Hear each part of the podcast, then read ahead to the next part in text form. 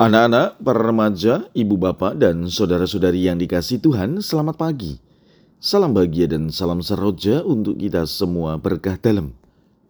Bersama dengan saya, Romo Antonius Garbito Pambuaji, menyampaikan salam dan berkat Allah yang Maha Kuasa dalam nama Bapa dan Putra dan Roh Kudus. Amin.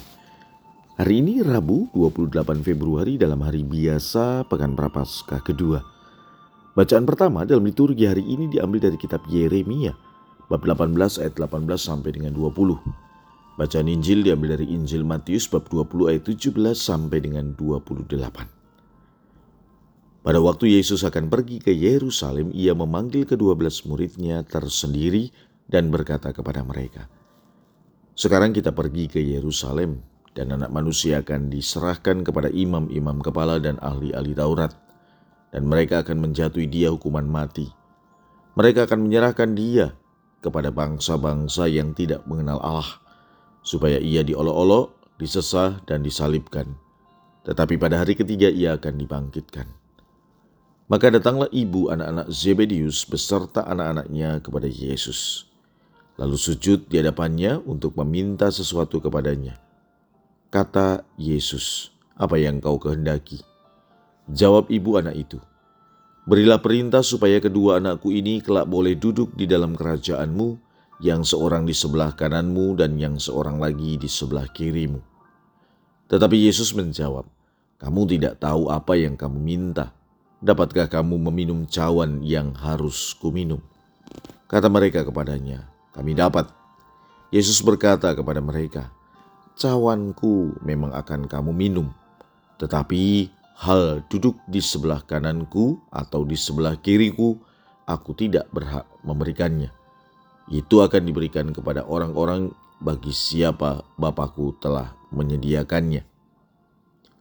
Mendengar itu, marahlah ke sepuluh murid yang lain kepada kedua saudara itu. Tetapi Yesus memanggil mereka lalu berkata, Kamu tahu bahwa pemerintah bangsa-bangsa memerintah rakyatnya dengan tangan besi, dan pembesar-pembesar menjalankan kuasanya dengan keras atas mereka. Tidaklah demikian di antara kamu.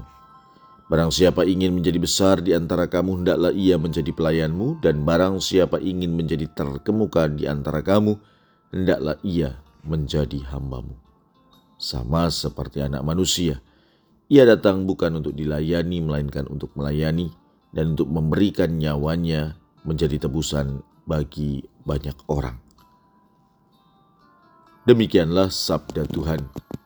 Terpujilah Kristus.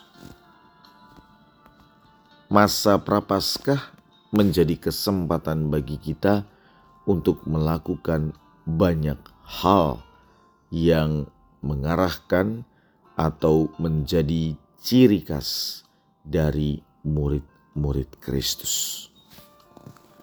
Hari ini Yesus mengajarkan kepada kita bahwa pangkat dan kedudukan bukanlah untuk dipakai atau dimanfaatkan untuk kepentingan diri sendiri, melainkan kita diajak untuk senantiasa melayani sesama dengan sikap kerendahan hati. Seorang pemimpin yang besar di mata Allah adalah mereka yang melayani dengan penuh cinta, pengorbanan, bukan mereka yang mencari keuntungan ataupun kekuasaan dan pengakuan manusia.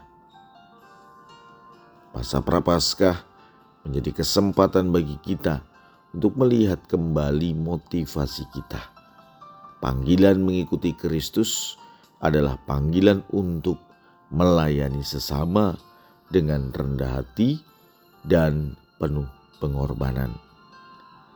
Dan kita diajak juga untuk memprioritaskan kepentingan orang lain di atas kepentingan sendiri. Marilah kita berdoa. Ya Tuhan, terima kasih atas sabdamu hari ini dan juga atas teladan kasih-Mu.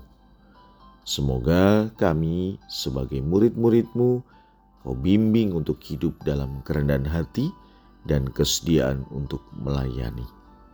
Berkat Allah yang Maha Kuasa dalam nama Bapa dan Putra dan Roh Kudus. Amin.